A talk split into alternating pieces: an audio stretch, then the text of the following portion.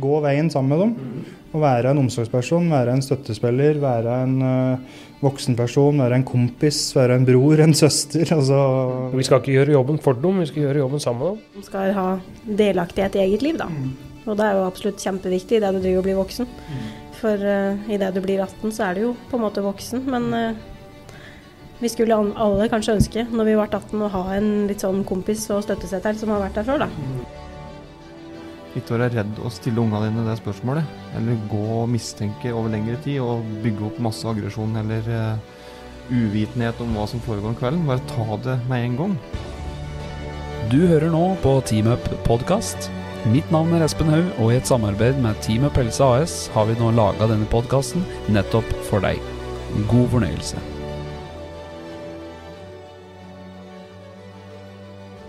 Hallo, hallo, hallo. Hallo. I falsett der. Ja. Nei. Da er vi i gang, vet du. Da er det mandag. Ja. Alle er litt sånn dårlig form i dag, har jeg fått inntrykk av. Uggen. Uggen? Ikke jeg. Ikke du, kanskje? Bare Nei. som vanlig. egentlig. Et eller annet som går, tror jeg. Ja. Sånn, ja. Men Det kalles hypokondri. hypokondri, Det er et veldig kjent fenomen. det er mulig. Ja, det er på Lars, ikke på meg.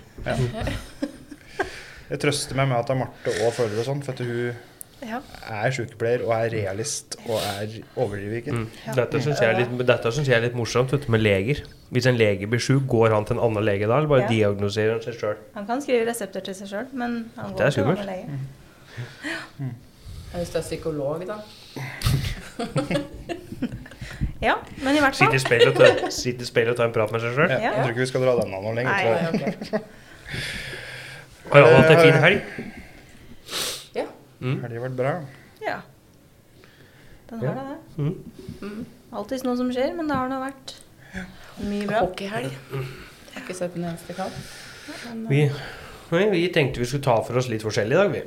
Skravle litt om, eh, litt om inkludering og ekskludering og litt sånne ting. Ja, det blir eh, en sånn løs prat i dag, tenker jeg. Før vi Mm. får inn en uh, litt kul gjest neste, som vi kan si noe om etterpå. Mhm. Men uh, neste uke så blir det jo en kul gjest her. mhm. Hvor skal vi starte? Uh, skal vi starte der vi har gjort uka Mhm. som var? Vi blei forespurt av Gjøvik-Lyn, altså sportsklubben Gjøvik-Lyn, fotballklubben som vi samarbeider med her i byen, om de hadde samla guttelag og juniorlag og ungdommer i klubben på en sånn eh, foredragkveld. Eh, som en Ayman Shakura skulle ha noe motivasjonsforedrag. Mm. Eh, for øvrig jævla flink fyr. Og må Ja, det er høre helt, på. helt ekstrem. Hvis han skal holde noe foredrag noen plass eller snakke, så er det lurt for alle, både små og store, å komme og høre på han. Og han har en enorm god evne til å formidle dette med mental trening i forbindelse med jobb og få til ting i livet. Mm. mm. Så vi hadde jo gleden av å komme dit og høre på han litt først. Og så ville jo på bakgrunn av det samarbeidet vi har med dem, da, så ville de at vi òg skulle komme og si litt om uh, våre historier og hva vi har opplevd, hva vi ser og hva vi gjør med ungdomskulturen i dag, og hvordan vi jobber og diverse. Og ha litt fokus på dette med rus i tidlig alder og sånne ting. Komme inn tidlig der. Og da var jeg litt spent, for at ungdomma satt og hørte på Naiman i to timer først, og så skulle vi gå på etterpå. Mm. Så da så jeg for meg at det var sånn der, eh, rastløs gjeng som satt der, som ikke var noe særlig interessert. Men da tok vi feil, da. Da tok vi feil, ja, for det kom mange håndsoppretninger og mye spørsmål. Når vi var på slutten på foredraget, får en si da. Mm. Eh, Så det var fryktelig nyttig og veldig ålreit. Fin, fin ungdom. Det er litt sånn rart, dette, der, for at jeg liker egentlig ikke foredrag også. Jeg liker mer å kalle det for sånn dialog eller en Mm. sånn uh, temakveld eller prat. Så fort det blir kalt foredrag, så får jeg sånn der packeren.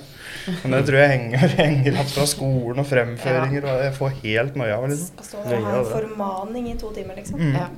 Ja, det da. Enveiskommunikasjon. Jeg er jo helt håpløs når jeg skal stå Men på dialog er jo fint, da. Ja. Men jeg får sånn eh, ja, Det skjer et eller annet når altså Jeg lever av å prate med folk, men det er noe med den foredragssettingen som jeg aldri blir vant med. Mm.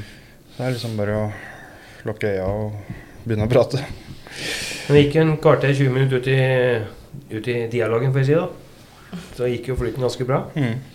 Vi kom med noen gode poeng og fikk liksom prate godt med ungdommen og sa at dette er ikke noe vei å ta. Og så pratet mye, så mye rundt dette der. Da. Så i, i etterkant liksom, så har det kommet Har vi fått uh, kommet i dialog med noen ungdommer som var der. Mm. Og det er litt skremmende hva som foregår i, i tidlig alder. Jeg husker ikke hvor gamle det var da som var der. Var det to- 07 og 08? Hun var fra 13 til 16 i hvert fall, tror jeg. Ja. Cirka. ja. Og det var sånn eh, Jeg tror det er en grunn til at de satt så stille og lytte. For jeg tror de står i mye i hverdagen, og de er i en veldig utsatt alder. Og jeg tror at selv om de på en måte er rammet inn i et fotballmiljø, så er de jo fortsatt ungdommer. Mm. Og det inntrykket jeg fikk liksom på spørsmåla og sånn, er at de har grublet mye på dette på egen hånd, og at de har mye venner og kompiser og bekjente som, som eh, er en del av kanskje noe nedi her som ikke er så bra, og at Mm. det er en del rus og ja. Bekrefta egentlig det vi vet fra før, eller Mm. har Nå er jo vi, vi bruker jo enormt mye altså, Det er jo fleksibilitet til tilgjengelighet, da, men det folk òg ikke ser, er all tida vi bruker på å liksom, danne oss et bilde av hvordan rusmiljøet er. Og vi, research, og- egentlig. Ja, ofte i kontakt med våre egne ungdommer òg, hvor vi har såpass god tillit at vi har opprettet en god dialog om dette her. Så vi prøver å skaffe oss så mye informasjon vi klarer, da. Om hvordan ting fungerer, og hvilke tegn vi skal se etter, og alt mulig sånn. Så vi føler at vi har ganske god bakgrunn. Og så har vi jo litt rusbakgrunn sjøl òg. Så dette er i kombinasjon, så får vi et veldig godt bilde av hva som foregår. Mm. Og føler at vi har ganske god grunn til å Eller kan komme inn tidlig. Komme inn tidlig, ja. Og begynne å hjelpe dem. Ja, det merker jeg etter at jeg begynte her. Mhm. At jeg har en helt annen innsikt i egentlig hele miljøet nå. Mm. Altså Det er ikke bare isolert at du jobber med ungdommer. Du har mer innblikk i hva som faktisk Hele skjer. Mm. Ja, skoler, byen. Mhm. Så er det sånne små ting da, som kommer igjen. Altså små kommentarer, små setninger som du kan høre at fra ungdommer. Like, hvor du, hvor du, den ene setningen eller den ene tingen han sier, får veldig masse biter til å falle Mm. Ja. På plass. Jeg har fått av skylappa litt, for det er så mye jeg ikke har sett før. Mm. Som du ser nå, bare du kjører liksom gjennom byen med familien din, så er det så mye du ser som du ikke hadde sett før. Mhm. I hvert fall for meg, da, som ikke har vært noe inni dette her i det hele tatt. Men det Ja, det er nesten det samme som litt om så, altså, hvis, du, hvis du kjøper en ny bil, da, Ja. og så tenker du at denne bilen her, denne biltypen her er det nesten ingen som har. Ja. Så kjøper du den, så ser du den hele tida. ja. Så det er litt, litt sånn å jobbe med det, at du begynner å se på klesstil og ganglag og, og hvordan ting Ja, ja, Så altså, blir du ser sånn de samme folka på samme tidspunkter, Mm. og så er det, det er liksom sånn, du, du begynner liksom å legge to og to sammen. Ja. Da gjør du kanskje ikke før, for du er liksom opptatt eller distrahert av andre ting. Og det er liksom at det blir, er som du sier, at det blir en livsstil. Mm. At du følger med på det alle stand. Mm. Men tror du ikke det er sånn, Martha, at, um, at det er mange foreldre og mange i byen her som kjører forbi skysstasjonen som ikke legger merke til Ja, ja. noen ting? Ja, ja. Og så lever litt i denne verden der da, med skylapper og, og innafor sin egen sfære og sin egen familie og, Mm. og de næreste vennene til unga og sånn. Og så er det så jævlig mye som foregår utafor den Mm. Men er derfor, derfor syns jeg det er veldig viktig for at foreldre nå til dags også, å skaffe informasjon. Skaffe seg selv informasjon. Gjerne i forbindelse med, med foredrag, dialogmøter i den forstand. For får du, får du subtilert informasjon om det, så er det lettere å se det. Bli oppdatert på Ja. hva som skjer. Mm. Det er det som er så skummelt med den gruppementaliteten. For hvis ungen din f.eks. i utgangspunktet er fotballsparker eller hockeyspiller eller liksom, og er i et sunt miljø da, og har en tre-fire liksom, straighte kompiser og ting går bra, så er det ikke mer enn at det skal komme én inn i den gruppa som er på en måte sliter med et eller annet, eller som er nysgjerrig på ting, eller så forandrer du hele gruppedynamikken og utsetter på en måte hele gruppa for eh, For du er jo veldig naiv og veldig Sårbar, sårbar i en Ja. alderen. Da. Veldig åpen for uh, nye inntrykk. Mm. Hvert fall hvis det er en som har litt sånn sterk personlighet da, og kommer inn i den gruppa og er god på å dra med seg andre og sånn, så, så er det liksom faresignaler med en gang, Mm. tenker jeg. Det er liksom viktig i forhold til det foredraget dere har holdt òg, for det hvis du driver med Dialog. Ja, dialog, ikke monolog. Men hvis du har et barn som driver med organisert idrett, og du føler at alt er på stell, så er liksom Det, det fins jo der òg, og de blir jo utsatt for det samme av de som driver der òg, for de har kanskje en kompis i et annet miljø. Mm. Så ting går, ting går liksom inn i hverandre. Mm. Så det er ikke dermed sagt at de er trygge fordi de er med på fotball, på en Det er lett å tenke sånn. Ja, ja. At det er jo ja, det er fotballgjeng, de driver mm. Det miljøet. Og Og Og så blir det verre for foreldre å oppdage noe, så lenge du er så inn i eh, organisert eh, aktivitet. Så er det lettere for ungdommen å slippe unna å bruke det som argument for at en ikke har i seg noe, sjøl om en kanskje gjør det. Ja. Så det blir vanskeligere for foreldre å oppdage det. Fordi han kan si at han skal på en trening, og så kan han dra en helt annen sted. Ta med seg treningstøyet sitt, så kan han dra en annen sted, og så kommer han hjem på kveld, og så bare Ja, åssen var treningen? Det var fin, den. Verden er ikke så stor, Nei. og byen er ikke så stor. Nei. Og alle kjenner som regel alle. Mm. Og du har kjennskap til Det er ikke sånne grupp, altså det er ikke sånn der veldig inndelt lenger. Det flyter litt over i hverandre. Når vi, når vi reiser som her, så var det veldig lett å se på en måte hvem som Ja. var i dette miljøet og ikke. Jeg husker når jeg vokste opp, så satt heroinister på Gjøvik gård. Da, da, da visste du at der er narkomane. Her, Der sitter de i ring Ja, ja, på sommeren og sånn. Ja, rundt scenen. på Gjøvik gård og sånn. Ja. Nå er det jo litt annerledes. Ja, du visste rett og slett hvem som Ja. drev med det og ikke? Jeg husker at jeg husker liksom flere sånne personer som jeg uh, han, Når jeg så dem i bybildet, så var de veldig sånn kjente heroinister. Så alle visste hvem de var. Men nå er det sånn, nå, er det, nå flyter det så over i hverandre at eh, Mm. det starter så tidlig. Og gjorde det sikkert deg da, men det var ikke så synlig. Nei, og nå er det mer sånn folkelig greie. Det er bare noe man gjør. Det er jo så var det litt skummelt, syns jeg. da, for det her, Som vi sa, da, i etterkant av foredraget så har det liksom havnet dialog med noen ungdommer som var der. Og de eh, kommer og sier det at eh, så lenge de er ordentlige, altså driver med organiserte aktiviteter og, er ordentlige og ikke vil ha noe med narkotika og dop å gjøre, så blir de ofte ekskludert. De blir ikke invitert på fester, og hvis de blir invitert på fester, så er det ingen som å prate med dem og sånn. fordi også nevnte at Uh, Der kommer seriøse, liksom. ja, og damene og sånn, jentene og sånn òg, var mest interessert i de som dopa seg. Mhm. Og hvis ikke han dopet seg, så var ikke damene interessert i det heller. Da var han ikke kul nok. Nei. Det er ganske drøyt. Mm. Ja, det det Men dette er sånn som ungdommen kom og sa sjøl, og det er ganske skremmende. Altså, sånn en 15-16-åring kommer og opplever at den blir ekskludert på fest fordi at den ikke er kul nok, og at Mm. damene på en måte Det er jo én ting, for at, eh, en, annen, en annen ting, mener jeg. For at når jeg vokste opp og sånn altså Fotballsparkere var jo de som var kule. altså Det var Ja. veldig populært for damene husker jeg, å bli sammen med fotballsparkere og hockeyspillere og sånn. Mm. Nå er det, er det blitt litt sånn motsatt nå, da, eller? Mm. Og de er for sånn seriøse, på en måte. Det er jo sånn vi snakka på før, at den gruppa som gjerne rusa seg før, hadde jo ikke retten til å på en måte ekskludere de som var straighte. Mm. Men sånn har det jo blitt litt mer av nå. Ikke, ikke alltid og ikke i hvert miljø, liksom. Men det er litt mer sånn da, at du du kan bli holdt utafor fordi du ikke velger å ruse deg. Mm. Og det er jo en ganske skummel Nå er ikke at jeg er fullstendig svart-hvitt. er nei, vi prøver bare å løfte fram en problemstilling, holdt jeg på å si. Eller bare sette fokus på et tema som er, mm. som er greit å ha i bakhuet eller vite om. Eller Det er jo skummelt. Mm. Jeg syns personlig altså de som står imot nå i dag, det er de som er de tøffeste. Mm. Egentlig. Og det er jo det, er jo det egentlig. Mm. Hvis en skal, skal ha noen damer eller jenter eller noe, så er det jo er det han som er tøffest. Mm. Det er han som står imot dette. Synd man ikke ser det i den alderen. Ja. Men er det et sånn større skille nå med eh, flink pike, skal jeg til å si, at det er enten eller? At enten så sklir du litt utafor, eller så er du veldig flink, god, god på skolen, god i idrett, veldig seriøs. Jeg, jeg, jeg, akkurat, akkurat den biten her har jeg ikke klart å sette meg så godt inn i. Altså, hva, hva med de gutta på skolen som, som, som gjør det best? da? Mm. Som har høyest karakterer, lite fravær, noen som gjør det best. Mm. Hvordan er det de liksom ter seg på fest? og Jeg tror du blir litt sånn miljøskadd av å jobbe med det vi gjør òg. For at du står oppi stort sett bare utfordringa og bare problema og de som sliter.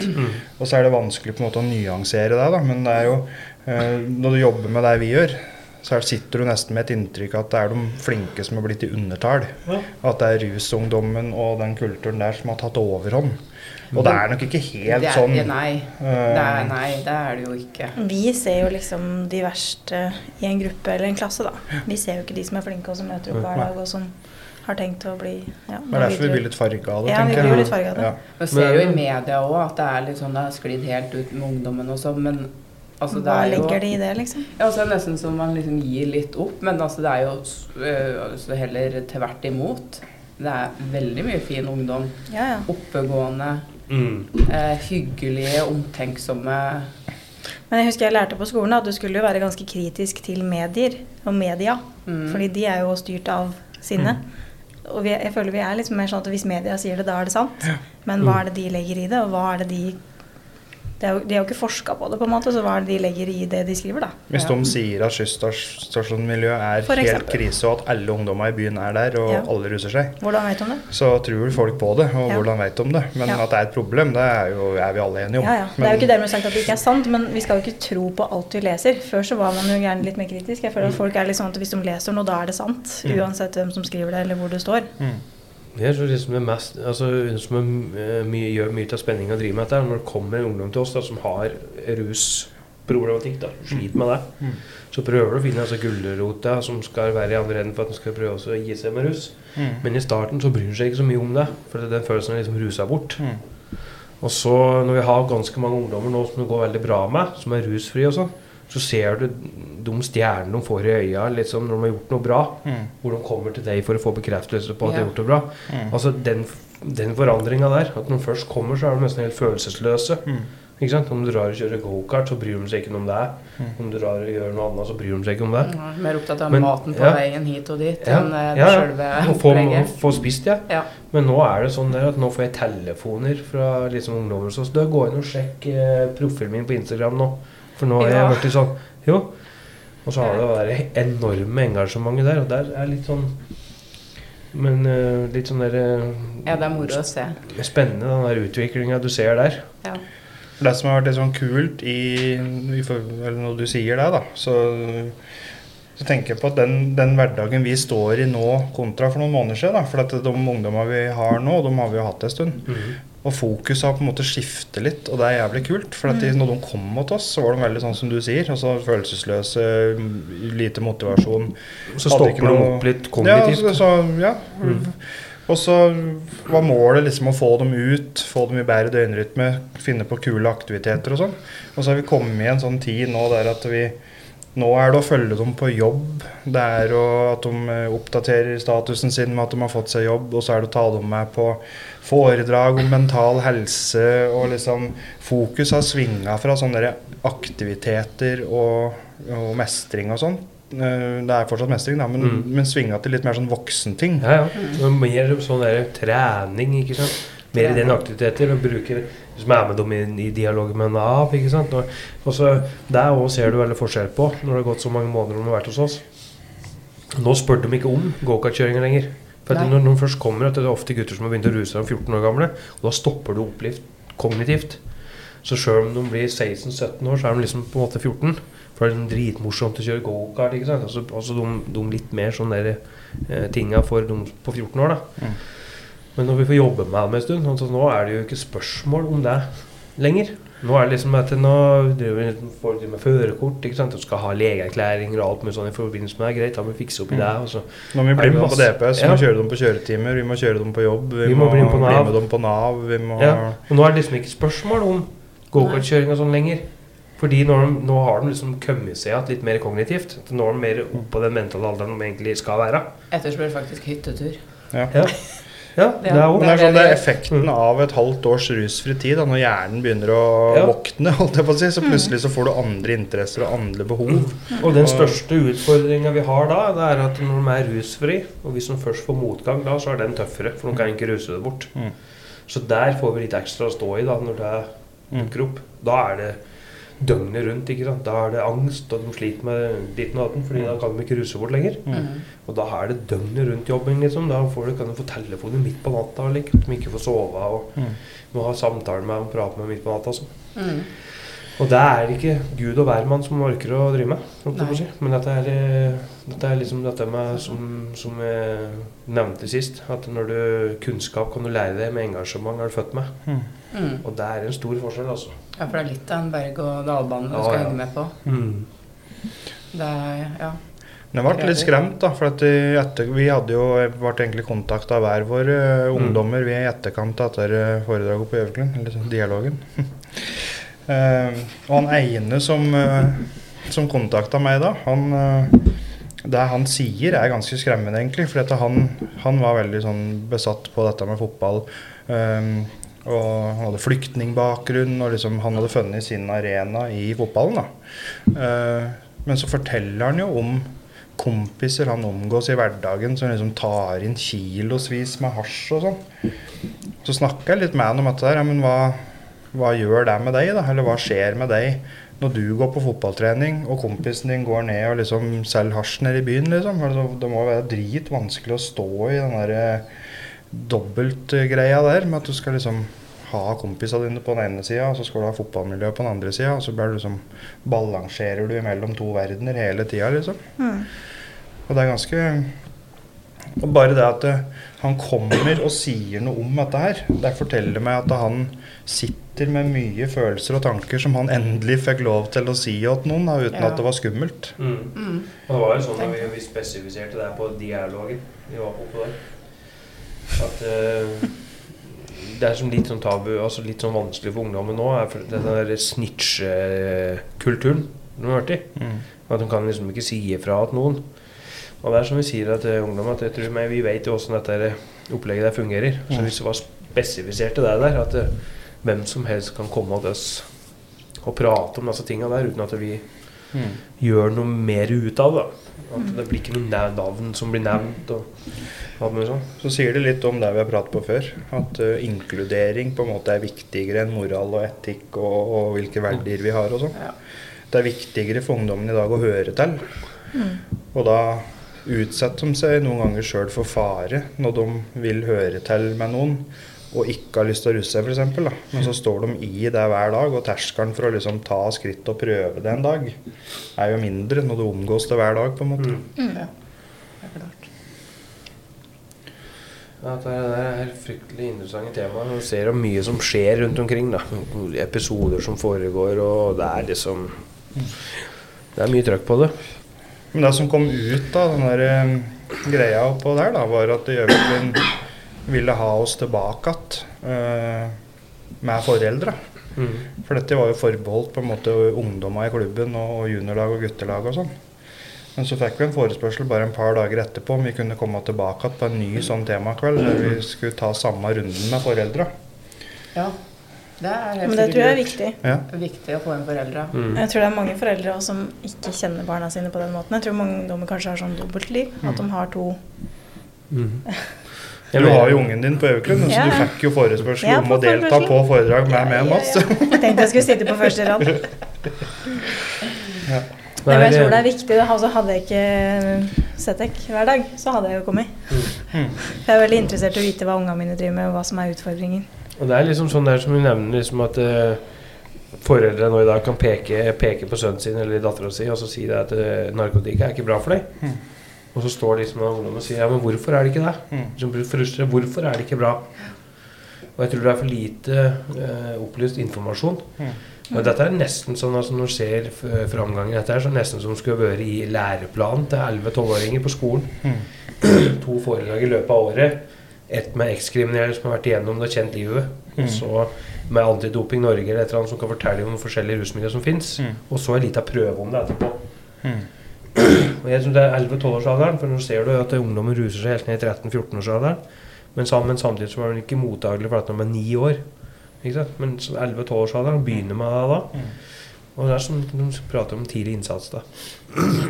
Vi prata jo litt i stad om research. Mm. Altså, og det er mye av hverdagen vår som vi vil eller ikke, handler jo mye om research. Eller tilegne oss kunnskap om hva som foregår. Og mye av den kunnskapen får vi jo fra ungdommen sjøl. Ja. For de er jo veldig åpne, åpne overfor oss i forhold til den relasjonen vi får med dem. Mm. ja.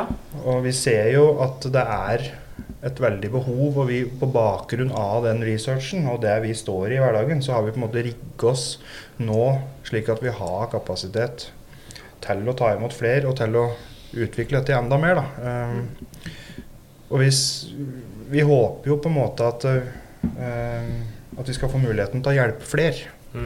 Og det er der vi på en måte har rigget oss for nå med både personalgruppe, som vi har, vi har fått inn mer personale, vi har mer kapasitet på, på hybler og denne Mm. tingen der. Mm. Så vi ligger jo med en kapasitet nå for å serve det behovet som vi har gjort egen research på at er der. Mm.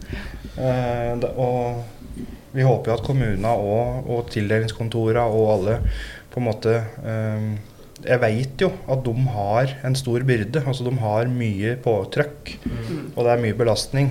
Og det er, eh, så jeg håper på en måte at vi kan utvikle dette samarbeidet vi har med kommunene og tildelingskontoret til enda mer eh, og tettere. Få et bedre samarbeid på det. Sånn, for fordi vi, vi og der ser jo det nå, vi er jo òg avhengig av kommunale tjenester, vi òg. Mm. Ungdommer som er hos oss, bruker jo DPS og bruker BUP og, og bruker disse instansene der. Og vi, og, vi, og vi ser det at en kombinasjon av liksom oss og det kommunale der, det fungerer veldig bra for, mm. for mange av dem vi har. Så vi er jo bare interessert i at eh, for, som, som, som Lars sa, så er vi, er vi rigge, liksom. Mm. For å kunne ruste oss for å ta imot flere. Mm. Og det er nok eh, Jeg vet ikke hva dere tenker, men det er nok fortsatt litt grann stigma rundt dette med private og benyttelse av private og sånn, vil jeg tro. Altså, ja. Det er jo en diskusjon. Det har jo ikke vært noe særlig privatisering i dette landet her, egentlig før forrige, eller forrige regjeringa blir vel. Begynte litt med det. Mm. Men jeg bare skulle ønske at vi liksom kom dit, ja, at det ikke blir en sånn konkurranse. At man må kjempe mot hverandre. At du kan tenke at den ene kan gjøre den andre bedre. på en måte. At du Mm. samarbeider, og at noen kanskje har et annet behov enn det som blir dekt i det Mm. kommunale eller i det private. Mm. Det blir jo litt sånn et komplekst bilde, for det ser jo det at uh, i media det bygges jo ned, stenges ned, sentraliseres. Mm. Uh, og at det er begrensa økonomiske muligheter, da. Så det er jo et aspekt av det. Men er vi på vei i en fin retning sånn egentlig? Mm. Eller er det fordi at det fungerer greit i teorien, og at det er sånn som gjør det enklere for oss mennesker å fungere? Men uh, Det er jo noen ungdommer som glipper Mm. når vi skal prøve på en måte å serve det i den ene eller den andre retningen. og og og ikke inkludere de Altså Jeg mener jo at alle, og ikke, alle, ung- ikke bare alle ungdommer, men alle da, med psykiske utfordringer eller rus, eller uansett utfordringer, da, skal ha tilgang på best mulig tilbud og best mulig hjelp, uavhengig om det er privat eller offentlig. Mm. Og jeg håper jo det gjelder for liksom ungdommer rundt her òg, at uh, om det er oss eller noen andre, da, så i hvert fall gi dem muligheten til å få det best mulige tilbudet for den enkelte. Mm. Uh, I stedet for at noen skal glippe fordi vi ikke har plass, økonomi eller evne til å håndtere det i den ene enden. Så skal vi sette dem på vent fordi at vi ikke skal søke ut eller samarbeide eller jobbe Mm. tverrfaglig. eller på en måte ja. og så skal vi la dem sitte der på vent, eller at ting går dårligere. Fordi at vi ikke løfter blikket og knytter til oss den kunnskapen og de ressursene som finnes rundt oss. da. Tenker jeg. Og det gjelder også hvis vi òg får inn en ungdom som vi ikke håndterer, da, f.eks. Eller som er, eh, ikke passer inn hos oss, eller trenger noe annet Ja. så diskuterer vi ofte det at eh, hvordan kan vi um, få han inn i noe annet Ja. som passer han bedre. Ja. Mm. Og da er det snakk om alt fra DPS og BUP til innleggelse til å bruke i andre instanser. Mm. Og vi og der ser jo på den muligheten hele tida. Altså, Hva er det som kan styrke oss, og hva er det som kan bedre, bedre de, de, de, de tiltakene som vi leverer. da. Hva er det, hva, hvordan står vi sterkest? Vi har jo sendt, vi har jo sendt en i institusjon og en par på andre innleggelser og Ja, ja. sånn, vi. Så vi, vi, vi gjør jo det. For at vi ønsker jo Ja. ikke å bare oppbevare folk som ikke får den hjelpa de trenger. Jeg skulle ønske at det hadde liksom bare handla seg litt mer om den personen eller personene som sliter. Da. At det er de som på en måte blir sett, i stedet for at systemet liksom skal krangle om hvem som skal ta Mm. Ja, så så blir det jo mye hit og dit. Ja, det blir veldig mye hit og Altså, dit. Og så har du gjerne ansvaret sjøl for å følge opp det og vise Mm. at du vil. Mm. Så er det gjerne det som er hovedproblemet, at en har ikke den motivasjonen eller den Mm. Jeg vet folk som sliter, og de føler seg jo liksom De blir bare De forsvinner i systemet. At de liksom ikke føler seg sett, og føler liksom ikke at det, er noen som ser dem for den de er. Da. De blir på en måte bare et problem eller ja. Mm. en brikke i et stort spill, på- liksom. Mm. på Nav, og så skal du på DPS, og så skal du til legen, og så må du ordne deg med jobb, og alt det her må du ordne med sjøl. Ja. Mm. Den personen som er med deg, mangler. Mm. Så innimellom alt det virvaret her, så, så gir du opp. Mm. Ja. En er gjenganger. En gjenganger er at foreldre ringer meg eller oss og ikke veit åssen de skal gå fram. Mm. Altså Systemet er så vanskelig å navigere seg i at de vet ikke hvor de skal henvende seg.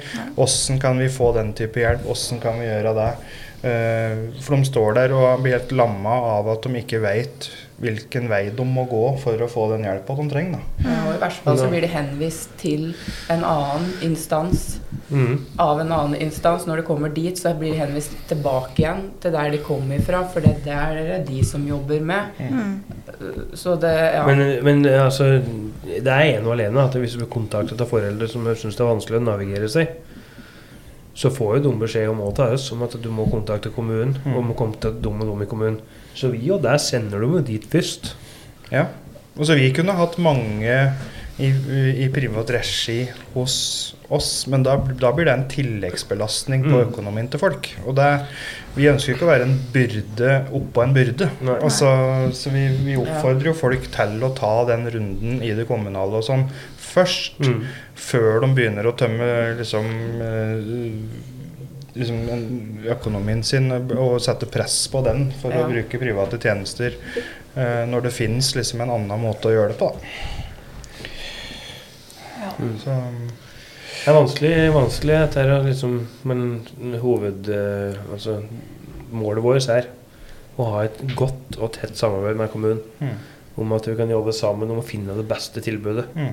Om det er oss på så og så mange timer i uka, eller om det er, Kombinasjon, eller mm, om det er om det er hybel hos oss Mm. med oppfølging i tillegg fra kommunen, eller hva det er for noe. Mm. Så er det det helhetlige som vi òg søker. Eller? Og den kommunale altså jeg, jeg, Hvis du skal ha hybel eller ettervern i kommunen f.eks., så blir du ofte satt i en sånn kommunal blokk der de setter sammen veldig mye forskjellige folk som kanskje ikke er bra for sammensetninga i seg sjøl. Og der òg ligger jo vi med en del hybler som er på en måte utafor et sånn type rus... Altså, hvis du setter noen med liksom eh, Som ikke har rusutfordringer, da, Mm. inn i en blokk med bare rusavhengig. Altså Det er litt sånn eh, vondt for folk, eller det kan slå feil ut. da. Men der òg ligger jo vi med hybler som ikke er kommunale på en måte hybler i et kommunalt uh, fellesskap. holdt jeg på å si. Større valgmuligheter, da. Og kan Ja. se an hvem som kan passe hvor. Så når vi, når vi er inne på dette å prate med inkludering, at vi ønsker å bli, ønsker å bli inkludert mer i kommunen. At det er gjerne, hvis det, er, hvis det sitter ledere i, i kommuner rundt omkring som ønsker liksom å vite litt mer om oss, og så vi stiller glatt opp på liksom eh, møter eller samtaler, dialog eh, typ, eh, sammen med dem òg. For å kunne da prate om Og kommunene jobber jo godt med disse Ja, ja. utfordringene. Men jeg tenker at kommunene sitter på en del informasjon, og vi sitter på en del informasjon. Kanskje vi vet noe som kommunen ikke vet, mm. og kanskje kommunen vet noe vi ikke vet. Ja. Og da er det jo greit å få samla inn det til en større pott, holdt jeg på å si. Mhm. Så det gir jo bedre grunnlag for å hjelpe folk, da. mm. Ja, jeg syns at det, målet må jo bli at eh, flest mulig da får seg en jobb og klarer liksom å stå i det eh, etter hvert. da. Selv om de sliter en periode når de er ungdom, så må jo målet være at de fleste skal klare seg sjøl på en god måte. Og det sparer jo samfunnet for mye belastning seinere Mm. hvis du gir en god innsats tidlig. da. Og det er jo som vi sier, da, at eh, uansett hvilken instans du er, om det er kommunal, privat eller hva det er for noe, stiftelse eller Så er jo inkludering bedre enn ekskludering. Mm. Det, er, det viser jo mm, i alle slags miljøer og sammenhenger Mm. så er inkludering bedre enn ekskludering. Og så tenke det større bildet. Altså ja, det er en kortsiktig kanskje investering. Mm. Men eh, er, koster det noe mindre f.eks. å ha dem i systemet de neste 10-15 åra? Mm. Inn og ut av fengsler, inn og ut av institusjoner, inn og innbrudd, kriminalitet, rus. Er det noe billigere? Nei, I verste fall så er det jo ikke det. Vi sier ikke at vi, eh, vi, at vi er noen magikere, men eh, vi, har, vi har i hvert fall evnen og engasjementet og tilgjengeligheten til å suge til så mye informasjon eh, rundt hva som miljø og hva som fungerer for ungdommen og ikke. At vi, vi er ikke ti stykker på én ansatt. Ikke sant? Vi er liksom to-tre ungdommer på én. Mm. Så det er tett oppfølging sånn hele tida, hvor du kan skaffe mye bra informasjon. Mm. Eh, Så vi kan, vi kan tidligere kartlegge liksom problematikken og hva de skulle trenge. Da. Mm. Og da kan vi gå tidligere inn og så liksom koble på andre instanser og hva som kan Mm. være best. Så vi har en fordel, vi har en fordel der. Jeg vil bare nevne noe i forhold til det her med tilhørighet, som jeg har observert den korte tida jeg har jobba her. At øh, veldig mange av de kommer jo da helt sikkert fra en kompisgjeng med rus og uheldig miljø. At når vi har øh, øh, skulle til å si aktiviteter og ikke-aktiviteter, så henger de med hverandre. Mm. At de har funnet en venn i andre i teamet, Mm. det blir kompiser. Mm. Mm. Og så etter hvert som eh, eh, de blir bedre, da, og eh, kommer mer bort fra rusen, så finner de tilbake igjen til andre venner. Går litt Mm. ut igjen fra gruppa. Mm. At de støtter seg på gruppa Mm. i, mens det er tungt, og støtter hverandre. Og så går de ut og igjen til kanskje folk de har kjent tidligere, som de vet Mm. Eller som de en gang mista det. Og så er det jo sånn når noen hos oss er rusfri ganske lenge, så begynner det å smitte over på de andre litt. Ikke sant? Du begynner også å se hvor mye glede og mye sånn mm. den personen som er rusfri, føler, da, kontra de som kanskje henger igjen litt. Og så tenker de at 'jeg òg vil ha det sånn'. Mm. Ja, og han som også, kommer lenger, pusher Ja, han som henger igjen. Og så, og så kommer de ofte og døst, da, noen som sliter litt med rus og kanskje går på en sprekk innimellom. Eller noe, så kommer de til oss og bare 'Fader, jeg vil ikke sitte hjemme lenger'. Mm. Jeg òg. Jeg òg vil begynne. Jeg òg vil. Jeg òg. ja. Og så ser du òg de som da har holdt seg unna rus lengst, da, som begynner å ta gode valg når Mm. de i tillegg havner opp i dårlige situasjoner. Mm. Som da heller velger å gå andre veien. Mm. Som da ti av ti ganger før hadde tatt den letteste veien. Mm. Mm. Og det er ganske stort. Det er så moro å se. Ja, Ja, det er så og det er sånn det tenker jeg på daglig, liksom. Når Når det blir, ser du mye mentaliteten her. Jeg Ja. For du vil jo gjerne For de bli som begynner å se at det her er en bedre måte å leve på enn sånn jeg gjorde. Mm. Og når de da begynner å ta de valga flere ganger på egen hånd uten at vi sier noe, Mm. da har du kommet langt, altså. Mm. Ja, jeg får jo jeg, Nå før vi skal i podkast, så, så er jeg jo ringer noen ungdommer klokka er kvart over åtte, halv ni. Så Da er de oppe. Du hadde ikke fått tak i de for noen måneder siden. Nei, det er jo gæren. Men det er jo litt artig, fordi ungdommer som er hos oss, som gjør det bedre, er jo med på å hjelpe oss i jobben vår. Ja, ja. De blir jo nesten som en liten mini-ansatt Ja, som bare er der. Mm. ja, og Men de noe frø. vokser på den rolla òg. Ja. For da er de plutselig den som gjør bra ting, da. I stedet Ja. for å være et utskuddet som ikke får være i klasserommet og sånn. Mm. Så er det plutselig en jente eller gutt som, som får lov til å Det er en god rollemodell for de Står i det å faktisk være rusfri og, Ja. ja, og valgt å være Og er- ikke kul. Og, Mm. Og det er jo sånn samme hos oss òg. at Vi har stor fokus på dette med inkludering. Mm. Er du rusfri altså en som sliter, så inkluderer den Mm. i det du driver med. mm. Så blir det en sånn mentalitet, og så kommer liksom noen som sliter litt, og enda mer på banen hos oss og kontakter oss enda oftere. Ja. Ikke sant? Ønsker å ha noe å drive med, ønsker å ha noe å bedrive tida si Og det er ganske mye lettere for oss også når de begynner å tenke sjøl. De som da Ja, ja. driver og ruser seg. Mm. Begynner å tenke at uh, jeg har egentlig ikke lyst til det her. Mm. Da åpner det seg Ja. ja, ja. med en gang. Mm. Litt mer. Det blir litt lettere da at vi står der og viser pekefingeren, på en måte. Det er ikke så lett å komme inn da. Mm. Da må liksom begynne en sånn prosess i huet deres sjøl. Mm. Uh, Espen Haug, du er vår trofaste lytter. Jeg sitter her, jeg. Mhm. Hva syns du om eh, Har du liksom Nå har du vært med etter episode nummer 21, da. Mm. Vi har pratet ganske mye om, eh, om eh, hva Team Pelser leverer, hvordan vi jobber og hvordan vi driver. Mm. Eh, hvordan er oppfatninga di av hvordan skulle du ønske det var fra med kommunale og private aktører? Samarbeidet mellom dem? Nei, altså i Ja, det jeg tenker på, er eh, Jeg heller jo mer på det med et godt samarbeid enn at det skal være noe noen gjør det ene og det, og det andre gjør det andre, uten Mm. å backe inn en opp i det som faktisk fungerer. da Mm. det, det er vel min første tanke. Og jeg vet ikke om det er sånn nå at At eh, At det åpner seg mer og mer for dette her i det offentlige. Mm. Det vet ikke jeg noen ting om, men hvis de gjør det, så håper jeg at det, det kan være en god samarbeidspartner til det. da Mm. Hvis det skjer. Men det med inkludering og ekskludering som vi har pratet på litt i dag òg, at det, det er jo veldig synd at det er sånn at i en vennegjeng at du ikke blir bedt på ting for at du ikke driver med rus. da Mm. Eh, At du også Tenk på de som står der og skal være imot dette. da Mm. Mot sine egne venner. Det må jo være fælt, Mm. Det òg. Så ja. Og så Vi setter jo alltid pris på tilbakemeldingene, Espen. Og så har jeg bare ett spørsmål, da. Nå kan det jo selvfølgelig dukke opp noe, men har du bestilt togbillett til gjesten vår til mandag? Det blir bestilt i dag. Mm. Ja. For hva skjer da? Det er da jeg skal skyte inn med Ja. sånn rent avslutningsvis her nå.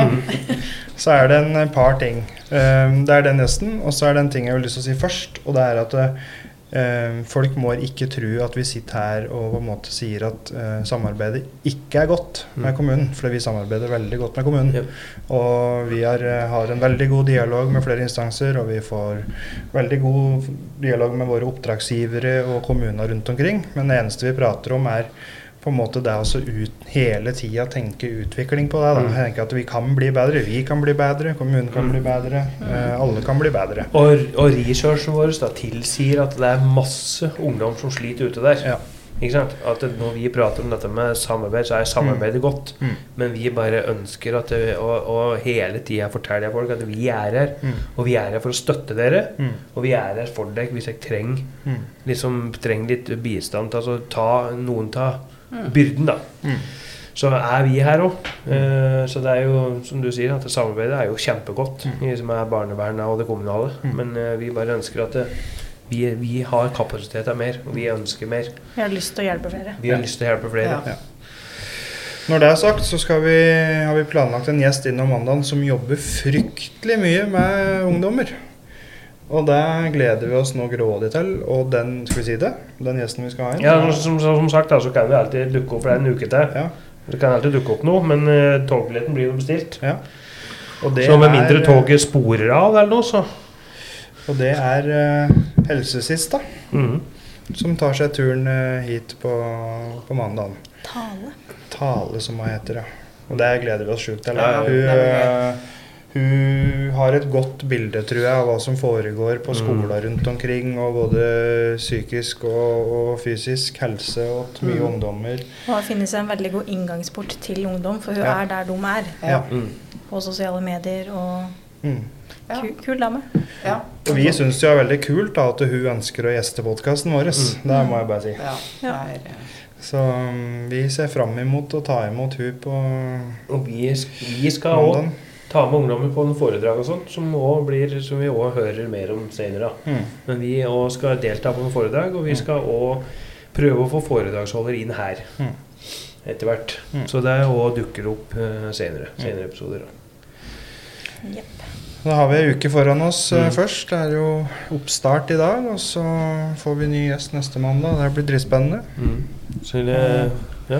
Forutenom det så gjenstår det vel bare å ønske alle trivelig og god vil jeg uke. av- avslutte med å si det til alle kommuner i hele landet her Dere gjør en kjempejobb. Mm. Fortsett med å prøve å finne tiltak og sånn som funker. Mm. Fortsett med de tilbudene dere gir, og fortsett den gode jobben dere gjør. Mm. Og ellers så ønsker jeg vel alle der ute som hører på, en riktig god uke. Yes. God uke. Ha det bra! Ha det Ha det.